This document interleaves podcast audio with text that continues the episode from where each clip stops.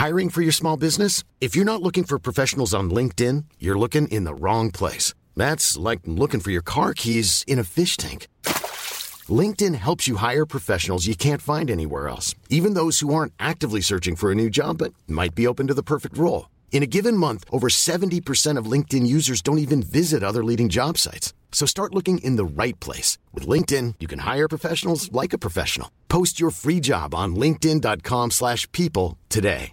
Hi, I'm Daniel, founder of Pretty Litter. Cats and cat owners deserve better than any old-fashioned litter. That's why I teamed up with scientists and veterinarians to create Pretty Litter. Its innovative crystal formula has superior odor control and weighs up to 80% less than clay litter. Pretty Litter even monitors health by changing colors to help detect early signs of potential illness. It's the world's smartest kitty litter. Go to prettylitter.com and use code ACAST for 20% off your first order and a free cat toy. Terms and conditions apply. See site for details. Hey, it's Ryan Reynolds, and I'm here with Keith, co star of my upcoming film, If, only in theaters, May 17th. Do you want to tell people the big news? All right, I'll do it. Sign up now and you'll get unlimited for $15 a month in six months of Paramount Plus Essential Plan on us. Mintmobile.com slash switch. Upfront payment of $45 equivalent to $15 per month. Unlimited over 40 gigabytes per month. Face lower speeds. Videos at 480p. Active Mint customers by 531.24 get six months of Paramount Plus Essential Plan. Auto renews after six months. Offer ends May 31st, 2024. Separate Paramount Plus registration required. Terms and conditions apply if rated PG. Vi är denna vecka sponsrade av Indie Beauty. Och Sofie, det här tycker jag är extra fint och extra roligt. Ja men Indie Beauty är ju ett skönhetsvarumärke som jag tror att väldigt många känner till, men det jag älskar mest det är att Indie Beauty liksom vill vara mer än bara produkter, vilket de ju också är. Exakt. Indie Beauty står ju för Independent Beauty, skönhet på dina villkor och för din egen skull. Och Indie Beauty tror ju stenhårt på ett alternativt skönhetsideal fritt från måsten, skam och känslor av otillräcklighet. Där är jag helt med Indie Beauty. Jag med. Det är så jag vill att skönhet ska vara. Ja men verkligen. Och vet du vad som är nytt för i år Sofie? Berätta. Från och med i år så skänker Indie Beauty 1% av sin försäljning till Suicide Zero, Tjejzonen och Djurens Rätt. Så när man handlar produkter från Indie Beauty så kan man liksom känna att man också ger tillbaka till samhället. Ja, kraften i tillsammans. Ska jag säga en sak nu då, som jag, det, men det är detta jag är extra glad över. Nu har Indie Beauty tagit fram en keps och den tycker jag ändå så på sommaren, skyddar sig från solen. Jättebra, jag älskar kepsen. Men det bästa, de bidrar till Suicide Zeros viktiga arbete för att minska antalet självmord och självmordsförsök. Så för varje såld keps så går hela vinsten, 100 kronor, direkt till Suicide Zero. Då kan man liksom göra nytta både för samhället och sin hud på en och samma gång. Ja, och kepsen kostar 169 men alltså hela vinsten går då som sagt till Suicide Zero. Mm. Så om man vill göra skillnad när man är där ute i solen, nu när den börjar titta fram, då ska man välja den här kepsen. Den säljs exklusivt på indiebeauty.se och på Apotea. Tillsammans kan vi skapa en ljusare framtid. Vi ses med kepsarna på! Tack Indie Beauty. Vi är sponsrade av Mindler och som ni säkert vet sedan tidigare så är vi ju ute på psykologresan tillsammans. Men hur vet man egentligen när det är dags att söka hjälp? Ibland uppstår saker i livet som kommer utmana oss och kännas tufft. Det mesta självläker vi oss igenom, för vi är menade att ta oss igenom en viss mängd påfrestningar. Men ibland behöver man professionell hjälp för att ta sig ur jobbiga perioder i livet. Men vart går då gränsen? Vad är en del av livets skavighet och när är det läge att söka hjälp? Det sägs till exempel att stress är farligt, men att det också kan vara bra. Alla sover dåligt ibland, så när har man egentligen sömnproblem? Ångesten kommer väl krypande för de flesta någon gång. Så när ska man se ångesten som outhärdlig? Hur vet jag? Med oss som psykolog har vi såklart min gamla psykolog Linnea Seidbrant. Men Linnea, vad är egentligen utmattningssyndrom? Utmattningssyndrom är en konsekvens av svår och långvarig stress utan möjlighet till återhämtning. Mm. Vi är ju då skapta för att klara av stress, men vi behöver också återhämtning. Om du utsätts för för mycket stress under en lång period utan att du får till den nödvändiga återhämtningen så kommer kroppen till slut att säga ifrån. Och det är faktiskt så att alla har en gräns. Du kan drabbas av en rad fysiska eller psykiska besvär som trötthet, sömnproblem, hjärtklappning, besvär från magen och tarmarna och mycket annat. Och det här är ju då varningssignaler och tecken på att du kan behöva göra någonting åt din situation. Annars så kan besvären utvecklas till att du mår så dåligt på sikt att du blir psykiskt och fysiskt utmattad. Ladda ner Mindler till din telefon och läs mer på mindler.se. Ja, nej men vi har så mycket idag. Oh!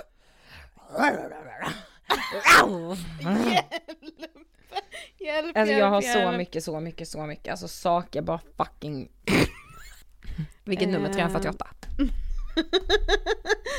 Vad bra det går! Eh, Holy smoke, Ja, 348. Kör vi! Hallå, hej!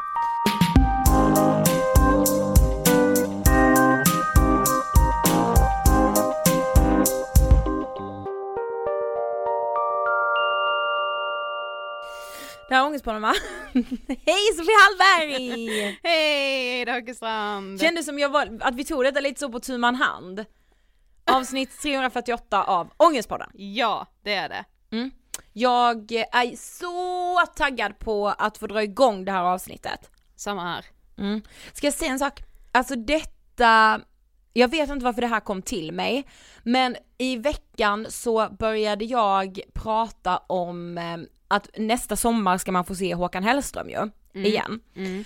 Eh, du och jag har ju biljett med mamma och pappa och sådär, vi ska se Håkan på Sen när Ullevi. köptes de ens? Ja men så, 25, nej men liksom, ja, typ. nej men jag vet inte men Mm, länge sedan. Mm. Ja. Eh, och, och när jag liksom pratar om Håkan, alltså jag har ett sånt jävla Håkan Hellström-komplex. Mhm. I form av att, alltså vem är mer household än Håkan Hellström? Ja men han är ju typ så Sveriges mest household artist. Ja. Ja men du vet så alla älskar Håkan, det broderas typ så här text, broderas också verkligen, att det var första som kom upp. Men du vet så folk Ja. har så tavlor med citat från honom, han, man har så bilder på honom som man har typ så Marilyn Monroe Ja, det, och alltså, det är en Håkan dyrkan. Hellström i svartvit. Ja, Ja. jag vet. Men du vet, mitt komplex är ju så här, jag vill inte klumpas ihop med de som började gilla Håkan 2010. När det var så, din tid kommer som jag. gjorde. Alltså du vet, jag vill ju ve- jag vill ju att alla ska veta att jag var där år 2006 år gammal. Ja. När pappa säger, det har kommit en kille från Göteborg, han har släppt den här låten som heter En vän med en bil. Stark tobak. Ja men det var, alltså du vet, och så här, nu kan du få mig så lätt och hela den plattan vit för 17 år och så. Oj oj oj. Ja men fattar du att jag har ju så, alltså jag har ju dyrkat och älskat honom alltså så länge jag kan minnas och han var, alltså du vet när jag var så, när jag skulle konfirmeras i åttan så konfirmerades inte jag, vet vad jag sa då för att vara ascool? Nej. Jag tror inte på gud, jag tror på Håkan Hellström. Oj. Ja, men alltså det, ja. Jag är ju den mainstream-lyssnaren tyvärr. Ah! Alltså, men och det får man ju vara, på ett Mm. sätt är det ju så, jag är väl glad att alla kan upptäcka Håkan, men jag vill inte klumpas ihop med de människorna. nej men vadå jag erkänner ju hellre att jag är det än att låtsas vara en 2000, när var det sa du? 2000. Ja precis. Än att vara e- ett 2000-fan och sen så visar det sig att jag inte kan skit. Men du vet, alltså vi, ja, då var du med mig dock, men vi har liksom varit på signering på Bengans. Ja, vi har sett honom i. Kalmar med vita Håkan-band när han inte sålde slut. Alltså den konserten var så liten, det är ofattbart att det är samma artist som nu säger Jag och pappa har sett honom i Malmö konserthall, vi var Ja. 200 pass. Mm. Alltså förstår du, åh gud jag hatar när det är så. Du vet när man har varit först med en grej och sen helt plötsligt så pratar folk med en som att man är på samma Då nivå. vill jag bara säga att jag var Justin-fan när han släppte Baby. Okej, jag vet. Slå den. Nej den slår jag inte. Nej det gör det verkligen inte. Nej. Men du, ja du fattar ju min Så grej. jag förstår, ja Ja, absolut. men där med Justin är det ju också att man, detta tänkte jag på på vägen hit idag, med Justin är det ju också så att vi som var med när han mådde piss, vi som inte lämnade hans sida, alltså det nej är nej som, nej, det värsta, värsta, Ja. värsta som skulle kunna hända mig är att Justin kommer till Sverige, det vill jag inte ens att han ska göra. Nej. För då vet jag att det är så influencers som kommer få biljetter till hans konserter. de kommer nej, få alltså- meet and greet. Och så står de typ där och bara mm, han var bättre förr. Alltså, Vadå du vet i fotboll, dra åt helvete. i fotboll pratar man ju om så medgångssupportrar som bara hejar på sitt lag när, det, går, bra. ja. Djurgården Mm. är ju typiskt sånt lag. ja, men som Jag lägger mig inte i. medgångssupportrar. Ja. Så kan jag ju känna med Justin, du vet, aha nu när han har släppt album, nu mår han bra, han är gift, han har Precis. allt på det torra. Men vad fan var ni när han hade borrelia? Ah, vad Va? fan var ni då? Va? Vad var ni när de här mugshotsen kom på honom? Var ni Precis. utanför fängelset? Som jag? Nej jag. Nej men så här, Men du ja. förstår ju vad jag menar, de här att man blir så, man har ju sådana komplex i livet kring Mm. saker. Och att man vill vara uppskriven någonstans som så här, jag var först på den här Ja bollen. ja, gud ja. Ah, nog om det. Vi är denna veckan sponsrade av Ellos. Ja det är vi och som ni säkert förhoppningsvis minns så tog vi fram en helt ny programpunkt i Ångestpodden tillsammans med er och Ellos som vi ju döpte till The F-word. The Female Word. Ja, Minns du mötet när vi kommer på det? ja. Gåshud. Det var liksom så nu ska vi räcka fingret till liksom de här kvinnliga, de här kvinnliga normerna och alla ramar som man som kvinna lever under. Som man är så styrd av. Ja. Och så bara, vi bara, vi vill ju ha något, någonting som är som Ångestpodden, men i Ångestpodden. Precis. Och så blev det the female word. Och jag är varje, varje vecka golvad över responsen vi får av er. Mm, verkligen. Alltså, för ni, precis som vi, verkar älska the female word och jag tänker att vi ska läsa en historia som vi har fått. Ja. Precis lyssnat på avsnitt 333. Efter intervjun pratar ni om att det inte är självklart att kvinnor vill ha barn och att detta ifrågasätts. Själv är jag 43 år och utan barn. Vill ha barn men av olika anledningar har det inte blivit så. Varit i Köpenhamn och gjort IVF-försök men det blev inget. Nu förlikat mig med att inte bli mamma är även singel och ute på dejtingsidorna frågar man öppet mig varför jag inte har barn. Eller så antar man bara att jag inte vill ha det. En man hade aldrig blivit ifrågasatt. Nej, alltså det här har vi ju pratat lite grann om innan också men jag tycker att man ska upprepa det och prata om det mer för att det finns så mycket, alltså det trillar jag ju också in under hela den här barnfrågan, alltså ibland kan jag med känna mig jättestressad över inte över att skaffa barn för att jag vet att jag inte vill ha barn just nu, jag är inte alls där i livet liksom, eh, men jag kan ju ändå ibland känna mig stressad i att säga, ja men tänk så inte, ha- har inte jag träffat någon att som jag vill skaffa barn med för det första, för det är ändå det viktigaste, om man inte vill skaffa barn själv, det är helt okej också. Men så här, tänk så har inte jag träffat någon innan den här åldern som också vill ha barn med mig eller liksom, ja men att jag, jag är så rädd att jag ska känna mig misslyckad då på något sätt, eller att andra ska liksom tycka synd om mig som Ja. inte har barn. Ja men nu, alltså jag och min kille har ju varit tillsammans nu sen vi var 25 eh, och nu är vi båda 28. Vi bor ju inte tillsammans, vi bor i olika städer, men vi har trots det börjat få frågan nu. Och inte så här, vill ni ha barn? Utan Nej. snarare så, ni får skaffa en liten. Jag är så När ska så, ni ha barn? Vad väntar ni på? Ja, och man är så, men gud, alltså ett, tänk om vi försöker få barn men inte kan. Ja. Två, tänk så vill ingen av oss ha barn. Nej. Tre, tänk så vill en av oss ha barn och den andra inte och det här är den största konflikten. Alltså det finns så mycket som kan ligga bakom. Mm.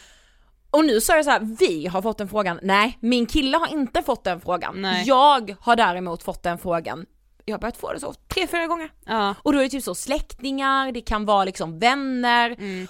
Och jag tror inte att någon säger det, alltså ingen säger det för att sätta dit Nej den. och det är ju därför det blir så tydligt att det är liksom den här familjenormen är så otroligt Exakt. stark för det är klart ingen av dina liksom släktingar eller någon av de som har legat på och frågat gör det för att så här, ja men sätta dit dig på något sätt eller liksom av vilka dåliga val du gör som inte just nu väljer att bli mamma Nej. utan snarare så här, man bara ställer frågan för att det är typ så här, ja men det vill man väl, det Ja, finns exakt. inget alternativ. Och att jag också får den frågan för att jag är kvinna. Ja precis.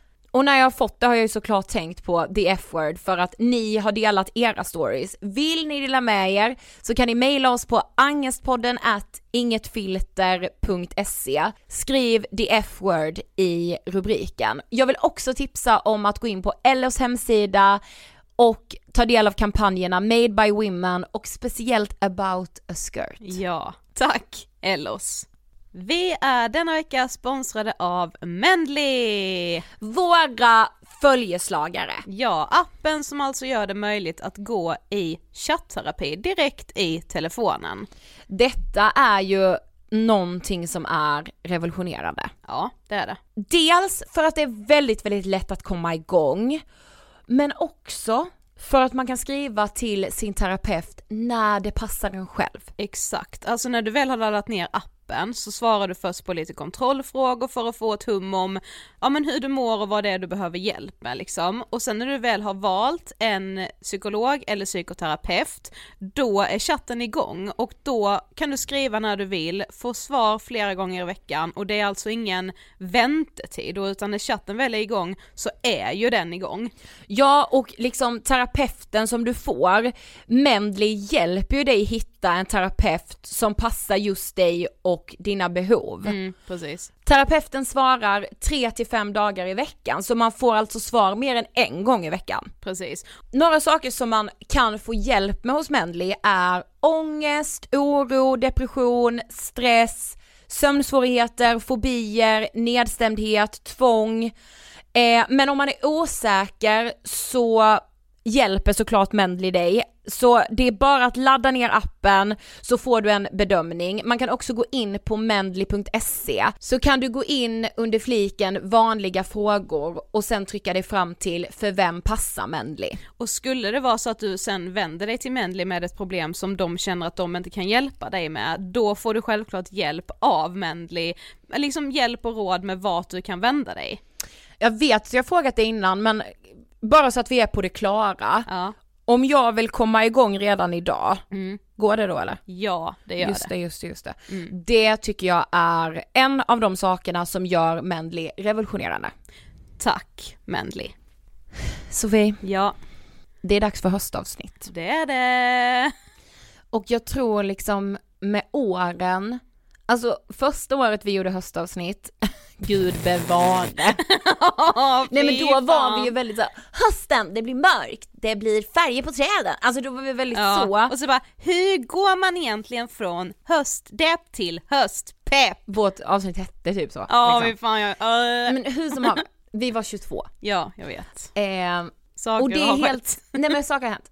Och det är helt okej att man vill gå från eh, höstpepp till höstpepp, rimligt måste jag Ja, säga. gud ja. Men med tiden har ju de här höstavsnitten också blivit liksom små, eh, som en liten station där vi får så här reflektera kring, okej vad är vi i livet just nu? Vad kommer vara viktigt för mig den här hösten?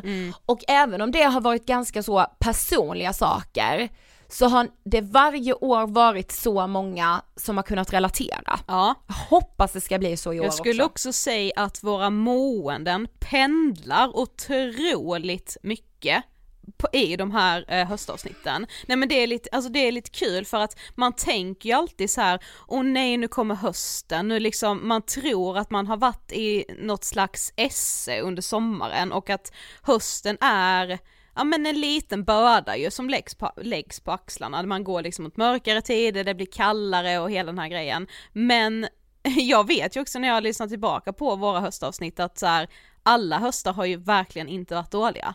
De har ju snarare varit bra. Du har ju lyssnat på avsnittet vi släppte förra året. Absolut, det har jag. Jag har inte gjort det. Jag har bara läst mina egna anteckningar Ja, från hade förra du då året. skrivit i anteckningarna, jag älskar hösten? För det var vad du sa. Sjukt.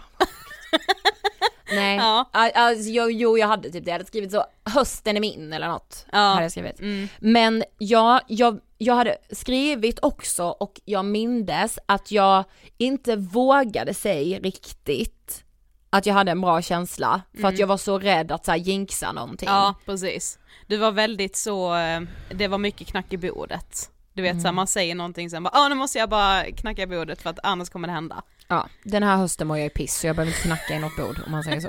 Nej men det var det som var lite, lite intressant, nej men det var, eh, eftersom jag ju vet att du mår skit nu, eh, så blev det liksom lite så, blev jag lite full i fan, nej men när jag lyssnade då på förra årets avsnitt för att då kändes det som att du Ja, du sa i alla fall att du mådde väldigt bra, men det kanske också var för att du lämnade en sommar med ganska dåligt mående och därför kände du så här: jag älskar hösten, alltså det kändes som att du var lite så, mm, eh, jag gör lite revolt mot att älska sommaren, för den gillar jag inte, nu gillar jag hösten istället. Alltså det kändes som att du hade någon god skjuts in för att du skulle lämna sommaren bakom dig på något sätt. Ja, och att jag är så i psykoanalys med dig. Då har jag pluggat. Ja.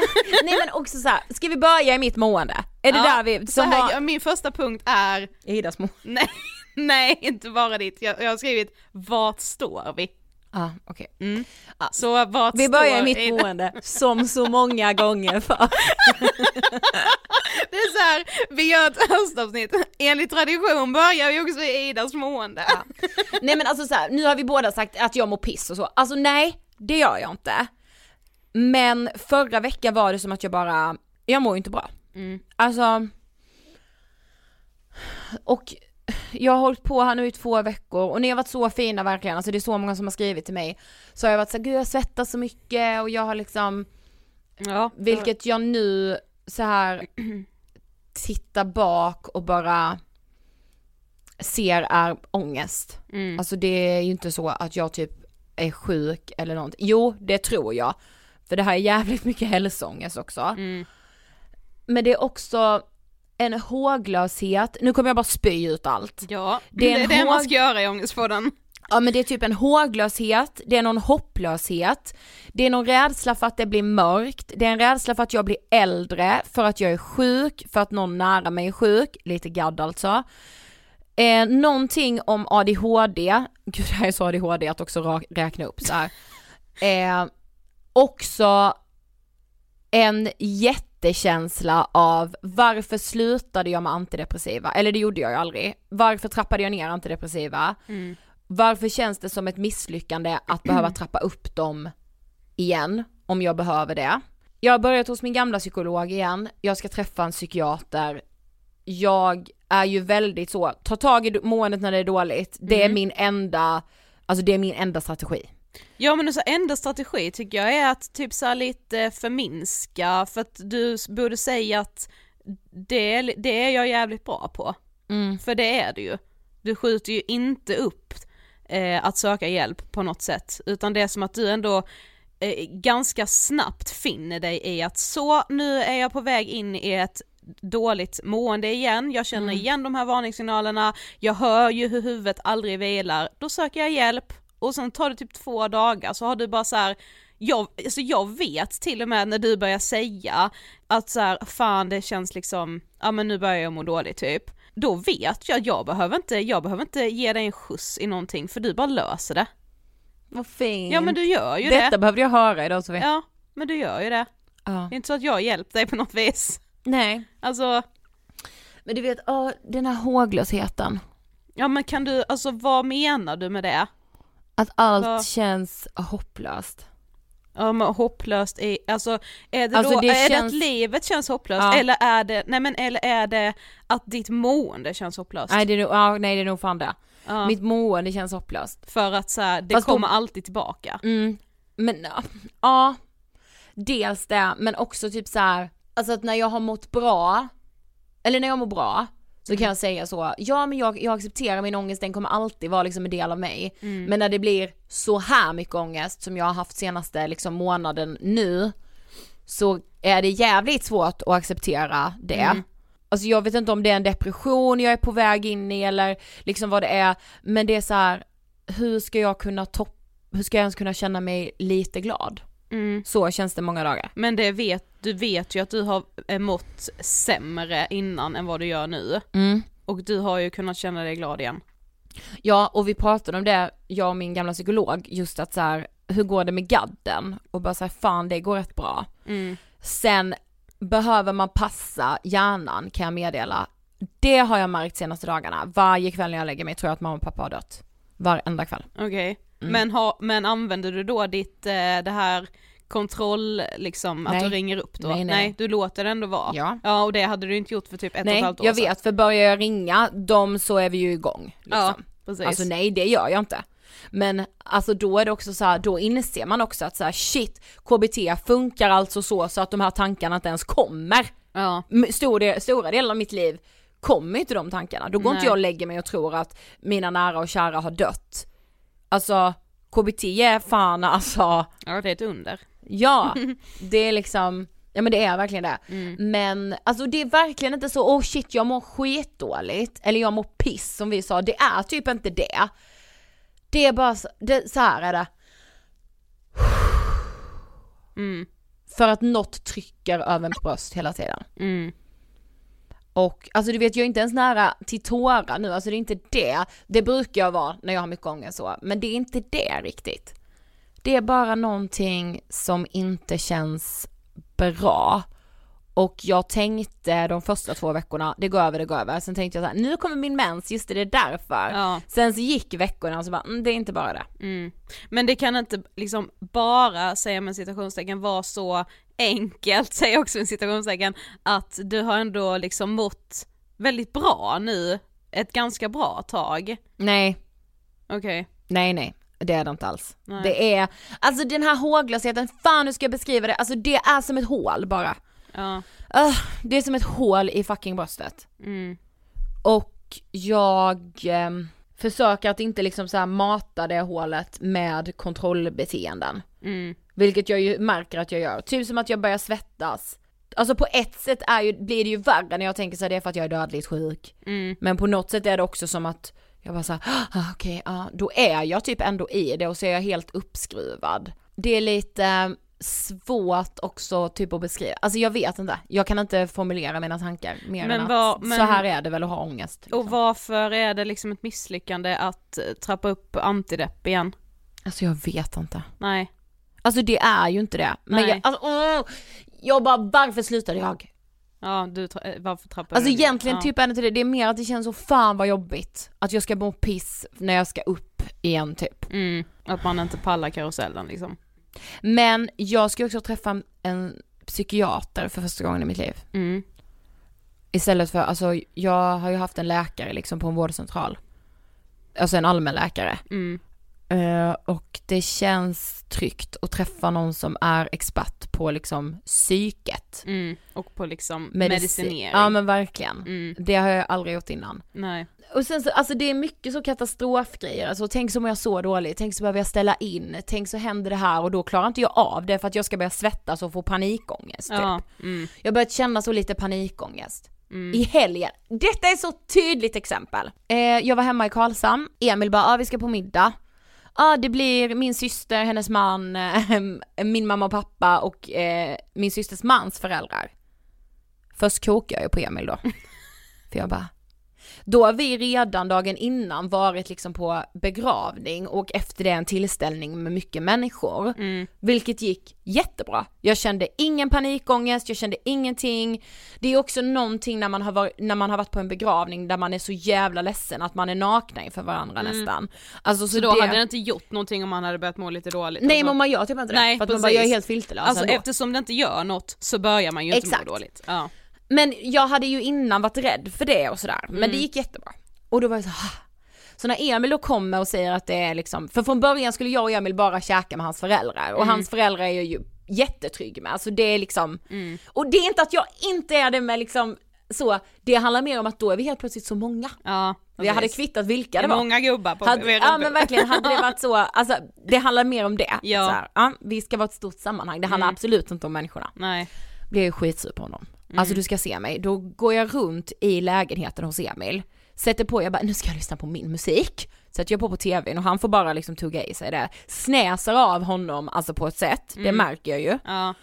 Men jag orkar ju inte, jag bara Men egentligen är det att du får ångest över Ja. middagen. Ja. Så då börjar jag ändå gråta sen för att jag blir så här. Jag bara, jag orkar inte, varför har jag sån ångest för det här? Jag kommer svettas så mycket, jag kommer få så mycket panikångest. Ah, jag hatar att må så här och liksom, och Emil tröstar mig och han är ju jättefin, han är så, ska vi ställa in? Vill du det? Ja. Känner du att det blir för mycket den här helgen? Mm. Vi ställer in då. Men alltså där är det något i mig, alltså som att min första psykolog lärde mig att bara, nej, det ska jag fan inte göra. Nej. Alltså där blir det som att jag är, får ett jävlar i namma. Men det är ju det jag menar. Ja men du vet, alltså där jag så, nej, ångesten ska inte vinna med mig. så då, men då är jag liksom helt mörk och arg på honom. Så, nej, Ja. vi ska inte ställa in. Jag, Får jag göra detta? Ja men då kan vi ringa nu för liksom då är det ändå två och en halv timme innan. Jag bara, nej, vi ringer ingen. Det rings inte, okej. Och så är jag så här, jag känner jag är så varm, jag är så varm. Och Emil bara, nej du är inte det. Mm. Jag bara okej. Och då blev jag så, nej okej svetten sitter i mitt huvud kanske. du vet. Ja. Ja. Och sen så är jag på den här middagen, det går hur bra som helst. Ja. Alltså och då, i söndags var jag så bara, hmm. Alltså att få bevisa för sig själv gör ju en, så nu de här dagarna efter den här helgen när jag har varit i så mycket sociala sammanhang där jag har varit säker på att jag ska ett, svettas ihjäl så att det ska rinna svett på mig som en tsunami över hela min kropp. Ja.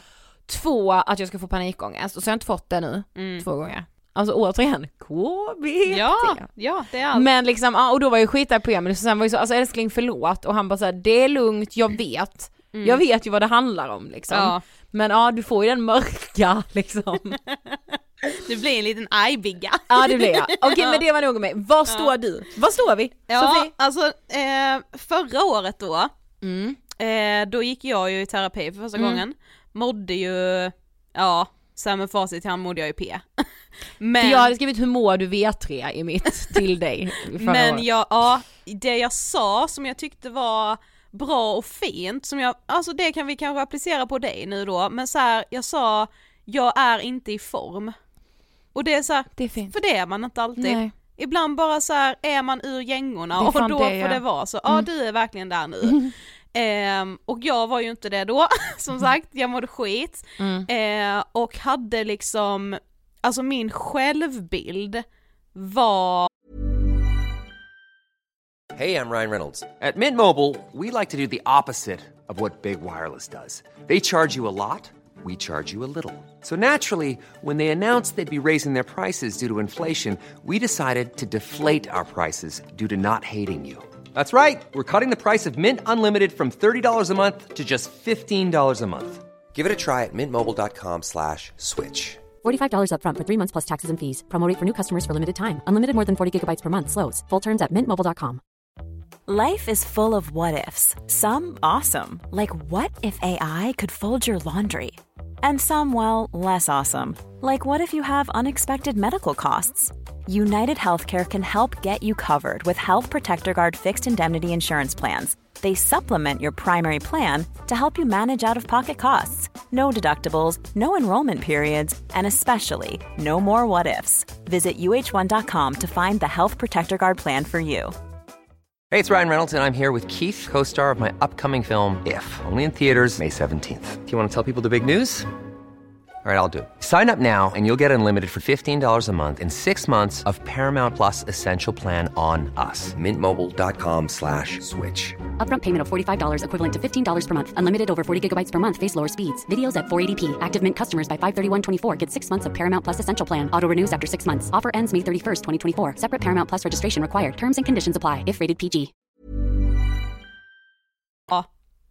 Ja, jag vet inte, alltså den var bara så jävla jävla mörk. Alltså det var ju mer att jag nog för första gången i mitt liv typ saknade självbild. Alltså jag hade ingen aning om vem fan jag var, alltså för det var så mycket som hade eh, ställt sig på sin spets typ eller vad man ska säga, så att jag bara kände så här: jag får börja om nu. Alltså och jag känner nu in i den här hösten att Ja, alltså jag har, alltså det, låter så jävla klyschigt hela det här med åh, man kommer ut starkare på andra sidan och åh det är så fint att lära känna sig själv och sånt. Nej det är inte fint att behöva göra det för det är för jävligt. Men när man är klar med det så ger den ändå någonting. Jag kan inte ha en helt annorlunda självbild från vad jag hade för självbild innan allt hände då som mm. gjorde att jag mådde skit. Men det känns ju ändå som att jag har fått lära känna mig själv på nytt. Som sagt, nej det är inte jättekul för att oftast om man behöver göra det i så här vuxen ålder, mm. då, då, det, då känns det så, det är väl det som det var väl det som gjorde att jag mådde så jävla dåligt att säga jag är fan 27 år, jag ska inte behöva börja om på ruta ett nu. Jag måste väl, har jag inte varit tryggare i mig själv? För att jag, jag skuldbelade mig själv väldigt mycket i allt som hände då. Mm. Eh, men nu när jag mår bättre kan jag ju se att så här, ingenting av det som hände var mitt fel. Alltså, ja det var andra människor som fick mig att må jättedåligt. Men jag märker ju med på det, alltså att du liksom, alltså du har ett helt annat lugn. Ja, och jag känner typ det också. Men man känner det runt dig också. Ett lugn, en trygghet. Ja, 100%. Jag har, alltså jag kommer aldrig mer, eller okej okay, ja peppa peppa. jag ska verkligen försöka, menar jag, att aldrig, aldrig, aldrig mer anpassa mig in i någon annans liv. Mm. För det har jag gjort jättemycket genom mitt liv, insåg jag ju där och då. Alltså jag tror att man gör det typ per automatik om man är van vid att göra det. Men ta ett exempel, alltså hur pass, alltså gör man för att Liksom... Ja men alltså så här, att man liksom säger att man träffar en eh, ny vän ja. eh, som man inte känner så jätteväl, då kan man liksom ändå så börja anpassa sig, alltså så här, inte att så, åh jag ändrar politiska åsikter beroende på vem jag umgås Nej. med, eller jag ändrar liksom allt jag tycker är kul, är helt plötsligt tråkigt om någon, det visar sig att någon tycker det är tråkigt. Alltså inte på det sättet utan det är mer så här, jag vet inte, man vågar bara inte uttrycka sig själv till 100% mm. typ. Eh, och verkligen så här, ja det är svårt att förklara alltså men jag tror att om man är en person som har anpassat sig in i någon annans liv så vet man vad jag menar när jag säger det. Jag, mm. jag kan inte jag kan inte förklara det på något annat sätt än att, och det kanske, det kanske till och med är så att jag inte gör det, men känslan av att göra det tär på en ganska mycket mm. när man då ja. sen blir väldigt sårad. Mm.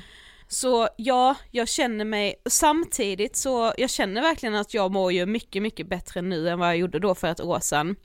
Typ prick vid den här tiden.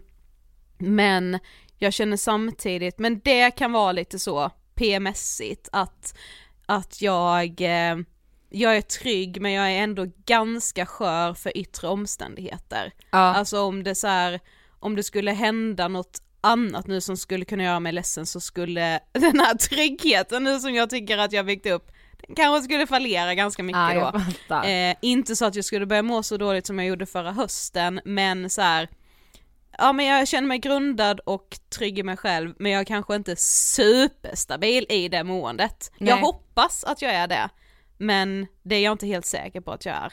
Nej. Där står jag typ nu. Ja ah, okej. Okay. Mm. Fast en ganska skön plats ju. Ja. ja, verkligen.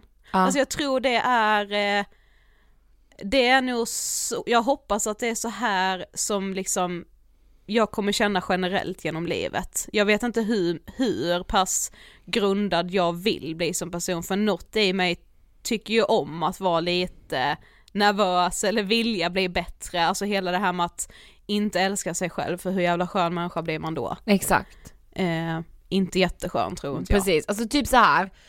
jag kan väl vara nöjd så länge jag inte så hatar och föraktar mig själv. Ja, precis. Eller lägger alltså, liksom all skuld på allt dåligt som händer på mig själv. Exakt. För så är det inte. Men jag behöver inte så, du är den bästa som finns Ida. Varenda dag. Precis. Sen kan jag ha sådana stunder kanske. Ja, det är väl lite liksom... som, jag tänker typ så här, grundtrygghet och att älska sig själv är lika mycket korta stunder som lycka är. Ja sant. Att så här, det är korta stunder när man känner så här, mm, fan vilken jävla grym människa jag är. Ja. Ja, men det, ja, och det räcker. Jag har en line mm. för min höst mm. som inte handlar så mycket om mitt liksom psykiska mående.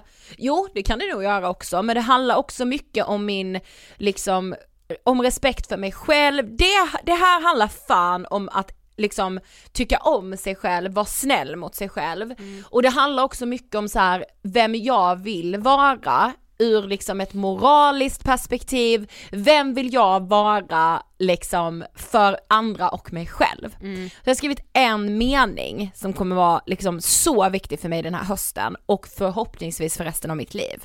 Nämligen, mina känslor ska tas på allvar. Man kan säga att någonstans i mitten av sommaren, slutet av liksom, ja men sensommar kanske, så är det som att jag sakta har fått liksom ett litet feministiskt uppvaknande och inte i form av att säga ah va? Kvinnor och män behandlas olika. Det är som att jag har levlat i feminism. Ja, Ehm, alltså jag hör dig. Jag hör dig, ja. Och Det är speciellt. bara jävligt sorgligt att man har ett så, en, att man levlar feministiskt när man är Ja. 28 år. Ja, Men, men- ja, men det- det är alltså, så snälla, det ser ut. vi kommer levla när vi är ut. 55. Jag vet, jag vet. Alltså så, nej men Ja. vadå, alltså min mamma och jag kan ju prata feminism och jag märker hur hon levlar i sin feminism Ja. när hon är 60 plus. Gud, liksom. eh, och det här har nog varit framför allt när det kommer till känslor. Mm. Eh, och jag tänkte jag skulle sammanfatta men så bara nej det kan jag verkligen inte. Så jag ska läsa ett inlägg eh, som är skrivet av en tjej som heter Fanny och hennes insta heter Fanny Arsinoe, Fanny Arsino, ingen aning hur man säger. Eh, under hennes, eh, liksom, hennes instanamn står modisk hatisk bitch, vilket jag också tycker är otroligt. Eh, men jag måste läsa ett inlägg eh, från Fanny om just eh, känslor. Mäns känslor är alltid rätt. Ett argument som ofta anförs till mäns försvar när det handlar om våld mot kvinnor är att de har begått detta våld i affekt.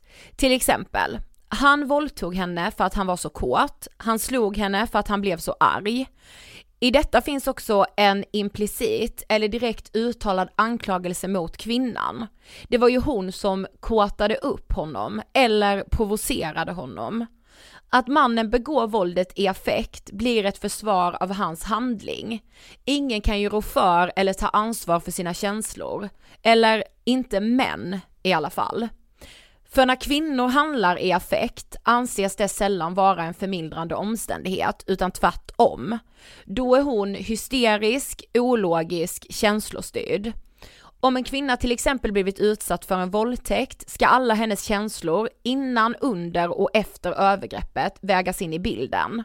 Om hon till exempel varit trevlig mot sin våldtäktsman efteråt så är det någonting som gör hennes case svagare.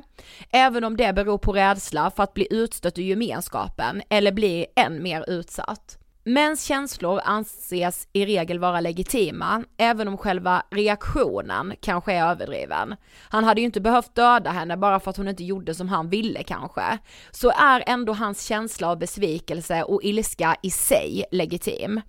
Det finns en uppdelning i hur vi ser på kvinnor och män, där kvinnorna står för känslan och mannen står för logiken. Men även när män helt uppenbart är känslostyrda så antas de ändå vara mer rationella. Det är liksom själva deras känslor som är logiska och korrekta. Och på samma sätt anses kvinnor vara känslostyrda även när de tänker logiskt. Se bara på hur feministisk forskning anses vara känsloargument oavsett hur väl underbyggd den är. Helt enkelt på grund av att den utgår från idén om att kvinnor förtjänar samma mänskliga rättigheter som män. Det är lögn att män inte skulle ha rätt till sina känslor. Män har så mycket rätt till sina känslor att de upp upphöjs till att vara ren och skär logik. De har så mycket rätt till sina känslor att det kan vara någonting som berättigar dem till våldtäkt, misshandel och mord. jag har ingenting att tillägga för det, var, det är så det är. Ja, det Och- enda jag har att tillägga är att jag ju tänker så mig själv. Att Mm. jag, att jag har liksom känsloargument som inte är fakta utan det är bara så här. Ja men nu har jag ett, en överdriven känsla Mm. och den är inte logisk. Vi skrev ju själva ett inlägg om det här inspirerat av Fanny för att hon med det här inlägget har väckt så enormt mycket saker i mig. Eh, och det här handlar ju inte bara om liksom så grova saker som våldtäkt Nej, utan nej. det handlar ju liksom om alla konflikter som rör kvinnor versus män, där Ja. kvinnor och män på något sätt ställs emot varandra. Det handlar också om liksom kvinnohat, det handlar om eh, utfrysning, alltså det handlar ju om allt egentligen. Ja. Inte ens, alltså inte, det behöver inte ens vara så grova saker som våldtäkt, mord, misshandel. Nej nej, det är ju strukturer som man ser liksom bara så här, jag vet vi har en kompis som pluggar nu, där hon pluggar en kurs om typ så här ledarskap och så, där det är kursmaterialet, för att så här, liksom visa hur det kan se ut när det är en konflikt, där du som chef eller ledare på något sätt behöver ta hand om konflikten, då är det två kvinnor som står i en konferenssal och liksom båda har höjt rösten och så sitter en man bak och bara så här, wow, jag vet inte vad som händer. Alltså så här, som att det alltid är kvinnorna som ställer till med bråken. Ja exakt. Alltså- och aldrig då, det är också alltid helt uppenbart att det också är kvinnor som alltid löser konflikter. Ja. Alltså jag vet, vi pratade om detta med Kakan Hermansson för eh, några år sedan när vi poddade med henne. Att så här, våra kvinn, det, de egenskaperna som anses som kvinnliga attribut så som att, ja men Um, alltså man pratar lite så, tjejer kan inte umgås tre för någon blir alltid utanför. Ja. Eller tjejer ska alltid snacka skit bakom varandras ryggar. Tjejer ska alltid, alltså förlåt, vi kvinnor har blivit lärda att ta hand om våra relationer sen vi var så två år gamla och gick på förskola. Vi har lärt oss konfliktlösning, vi har lärt oss att man diskuterar problem, vi har lärt oss att reda ut saker och Ja ting. och att man också så här, vissa saker kan jag tycka är, ja det är klart som fan att alla väl har snackat skit någon gång i sitt liv, men jag kan tycka att vissa saker som idag får gå under liksom begreppet snacka skit egentligen är att man sitter och analyserar en relation eller hur någon beter sig eller liksom så här, varför tror ni hon gör så här eller varför Mm. tror ni han säger så här, alltså så här att man liksom försöker, man är ju en sån jävla problemlösare Mm. hela tiden. Men jag har också blivit tillsagd så mycket, alltså jag vet inte om det är genom mitt liv men, men senaste tiden, att jag ska släppa saker. Ja. Jag får inte älta saker, det är som att jag inte ens får vara ledsen för saker som har sårat mig och som har gjort jävligt ont, som det kommer krävas år av mig själv, min tid, min energi för att bearbeta. Saker som har sagts till mig av män, just att jag ska släppa saker har i alla fall varit så kon- kontentan av allting, släpp det, släpp det, släpp det, gå vidare. Medan en man har rätt att känna och handla på de känslorna så jävla länge han vill. Ja. Men jag som kvinna, jag Jo. ska släppa det, gå vidare, blunda för det, inte ställas till svar, inte ställa någon till svars, inte, jag förtjänar fan inte ens att få en ursäkt om jag har blivit dåligt behandlad. Men jag ska bara skita i det. Du vet vad, var den större personen. Ja. Vad är, vad är att vara den större personen i det här ja, sammanhanget? Precis. Och det är jag så enormt, enormt trött på. Och jag vet att jag liksom, jag, jag, alltså gud det är så jävla dumt att jag känner att jag måste säga det så här. Jag um, um, omger mig med så bra män, min kille, min pappa, de männen jag jobbar med och så här. Ja, jag har jättetur att göra det, absolut. Men jag men, men du behöver väl också... inte bekräfta alla bra män i ditt liv bara för att du ifrågasätter strukturer. Nej, exakt. Det är också en sån jävla typiskt kvinnlig sak man, man känner att man, att man måste göra, att man måste förklara så här. nej nej alltså jag hatar inte alla män, jag, det finns jättemånga bra killar i mitt liv och liksom Men nej, alltså det är så här, det är väl självklart att man Alltså inte som, hatar. Som Katarina Wenstam skrev någon gång att Alltså en, en man som hatar, slå, alltså allt, allt det där som män liksom utsätter kvinnor för, Ja. alltså rent våldsmässigt. Mm. Inte ens det blir liksom, alltså det blir inte de ramaskrin som det hade blivit om en man hade blivit utsatt. Nej. Nu citerar jag ju henne skitfel, alltså jag citerar inte henne. Nej. Kontentan. Ja. Men du vet så här, inte ens en man som skulle säga till mig att han inte liksom respekterar mig, att jag inte liksom är värd vatten i princip. Alltså det kommer aldrig stå i paritet till att jag som kvinna säger till en killes killkompisar, jag är rädd för den här mannen. Ah! Det är det värsta du kan säga. Vad menar du? Att han skulle slå dig eller? Eh, vad menar du? Att så här, jag har inte ens Alltså rätt det är så förnedrande mot Exakt. honom. Jag har inte ens rätt att vara rädd. Nej. Jag har inte ens rätt att tycka att någonting är obehagligt. Men det är ju det inga kvinnor har, det är ju det, alltså, det är också en anledning till varför man som kvinna inte vågar anmäla sexualbrott Exakt. eller varför man som kvinna inte vågar lämna en våldsam relation. För du har inte rätten rätten att vara rädd. Nej. Du blir ju ifrågasatt om du är rädd. Ja exakt. Att, så, åh, eh, och så, så hör man så våldsutövares vänner och bekanta så här, i en rättegång när någon har mördat en kvinna säga men han som var så snäll.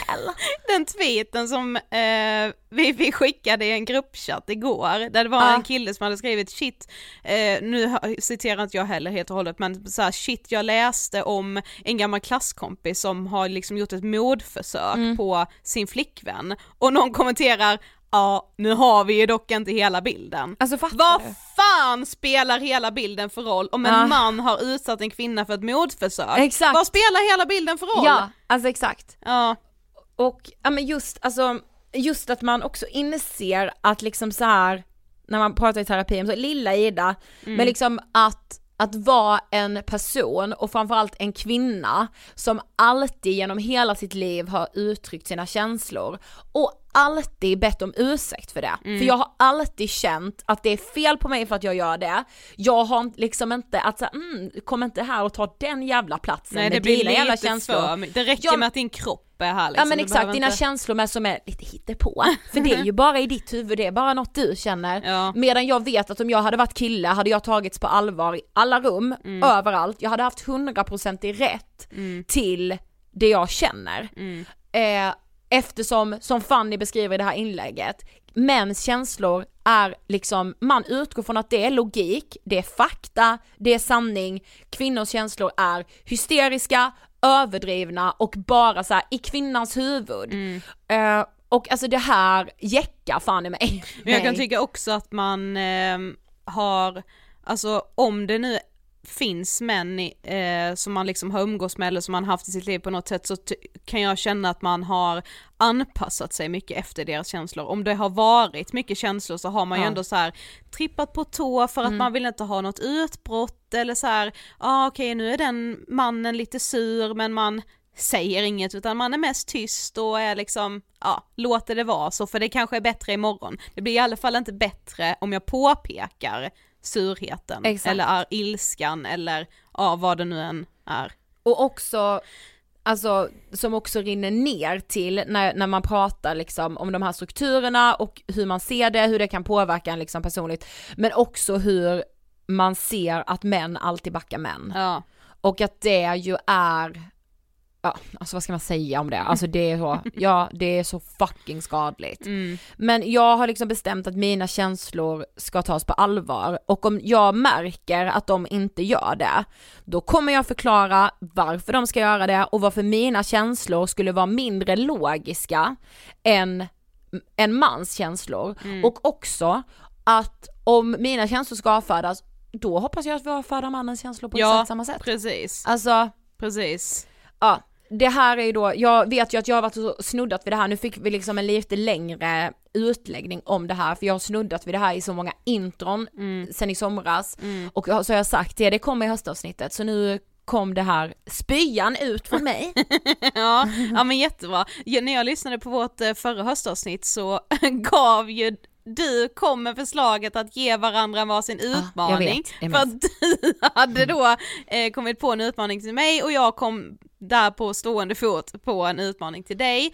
Eh, Jag vet inte riktigt hur de utmaningarna har gått. Du gav mig att jag skulle dejta och ligga mer Ja. och jag gav dig eh, att du inte skulle hålla på och ringa hela tiden och uppdatera alla om var du befann dig. Alltså du vet så här. Det har blivit bättre. Ja det har det verkligen. Fan vad sjukt. Ja.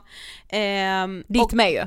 Ja. Mitt, min utmaning till dig. absolut. Mm. Ja, kan bli ännu bättre. Men, Mm, absolut. Ja, men, ehm, men då, och då tänkte jag att jag skulle ge en utmaning till oss båda Mhm. in, inför liksom nästa höstavsnitt och det Mm. var faktiskt att så här att inte hela tiden känna att man behöver förklara sig Mm. heller. Alltså så här, ja jag tycker det är skitbra att du så här, ja men eh, om inte mina känslor tas på allvar så kommer Mm. jag förklara varför de inte gör det eller så här, varför mina Det känslor inte ses som logiskt. Men ibland är det också bara så här, ibland, alltså vissa människor är hopplösa fall. Mm. Och då är det bara så här, lägg, alltså lägg ingen energi på det och alltså så här att man inte alltid behöver försvara sina egna känslor. Man, ba- man Mm. har dem och ja, man ska förklara för de som verkligen inte fattar ett jack shit, för någon måste ju lära folk. Men också att bara så här. ja men jag vet inte, ibland bara känner man att man måste förklara varför man känner vissa känslor och att Ja. man lägger så jävla mycket energi och Men det är ju för att vi är kvinnor. Ja, precis. Ja. Och jag känner bara, då får jag sluta vara kvinna. Nej men alltså, Nej. nej. men jag ska inte, jag ska sluta ta det ansvaret. Ja exakt. Inte helt och hållet, det kommer Fan jag alltså det är mitt svåraste, men du är ju redan bra på det här, du behöver inte en utmaning där Sofie. Du, Mm. jag, du är mycket bättre, alltså jag, detta är mitt svåraste. Ja. Alltså du vet hur går jag genom livet utan att, alltså jag vet inte, jag fattar inte det. Men okej, då är det en bra utmaning. Ja. Men jag har ju också gjort en liten lista, Yay! så det får avsluta eh, avsnittet. Vi har alla suttit på helspänn och Ja. väntat på den. Och alla kanske inte ens visste om den skulle komma. Nej, det är men det jag den menar. kommer. Mm. Och den är lite, ja, jag vet inte, lite så annorlunda mot de andra. Okej. Som, för punkt nummer ett den här hösten då, då har jag skrivit så här. Jag ska fan säga ja. Alltså man säger alltid så, åh jag ska lära mig säga nej. Mm. Och det är ju jätteviktigt, absolut. Gud ja, så man inte liksom bränner ut sig. Ja, men jag ska göra lite mer saker som jag kanske är lite obekväm i. Mm. Alltså bli lite mer ja-sägare kring saker som jag kanske inte hade valt att säga ja till i vanliga fall. Ja, för för då man- tror jag att livet blir lite roligare. Men det blir det. Ja, Ja, utmanande liksom. Två, absolut min svåraste, okej. inte grubbla så mycket, Ja. låta saker vara. Och bara tänka, Ja. allt får bli som det blir. Just det. Mm. Ta ett jävla chillpill. Ja, ja, ja, ja, ja, ja. Tre, försök att inte göra en så stor grej av att det är höst. Bra när vi har ett helt avsnitt om det, Ja. men så här, det känns alltid som att man gör en scen av att det är höst. Och typ så här, alltså det ska alltid Alltså vara jag är lika jävla... stor fan av höst som jul typ. Ja precis, det ska vara en sån skjuts in i hösten som vårt förra avsnitt hette när vi pratade Mm. om hösten. Det ska vara, du ska vara liksom ha laddat om över sommaren, du ska liksom komma in med ny energi, Ja, du ska ha tårna. nya mål, det är det här liksom, ja men det, indirekt, det indirekta nyåret typ. Mm. Och jag bara kände så här: nej, bara låt saker flyta på.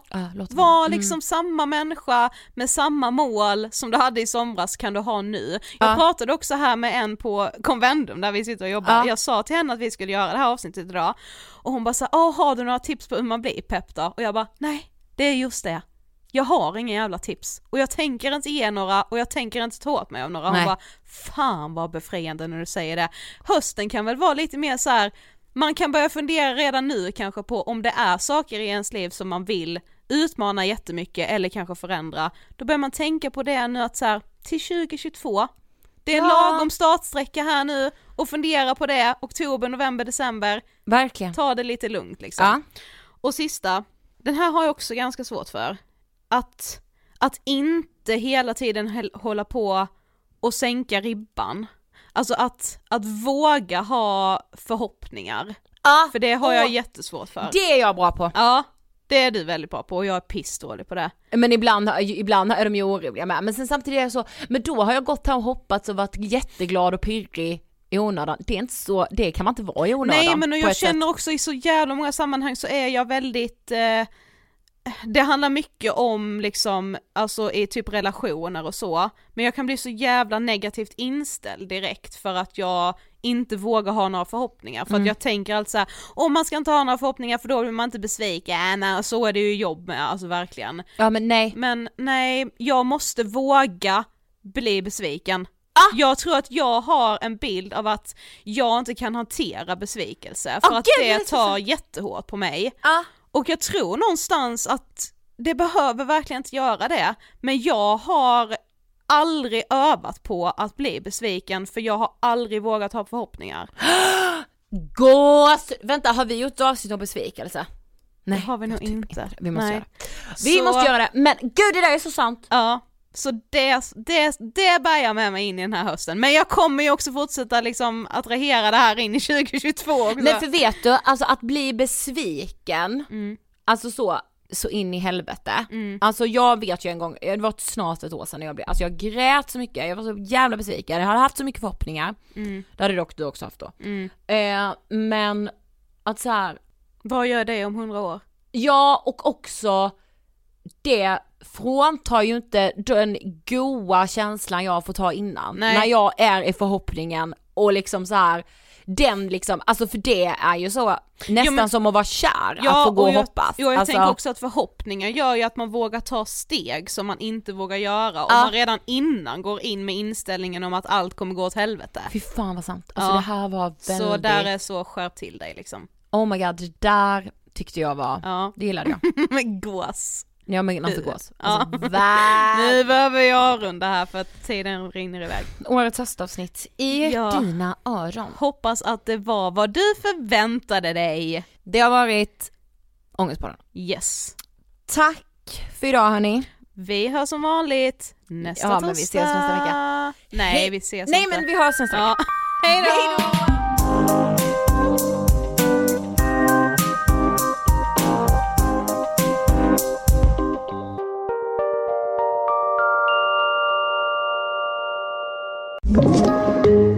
Podplay.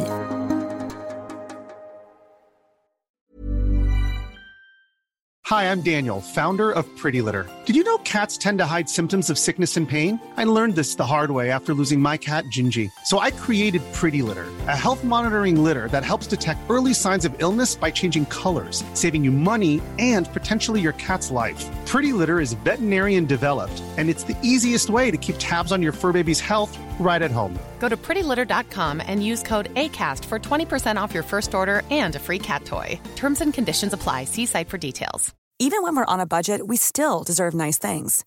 Quince is a place to scoop up stunning high-end goods for 50 to 80% less than similar brands. They have buttery soft cashmere sweaters starting at $50, luxurious Italian leather bags, and so much more.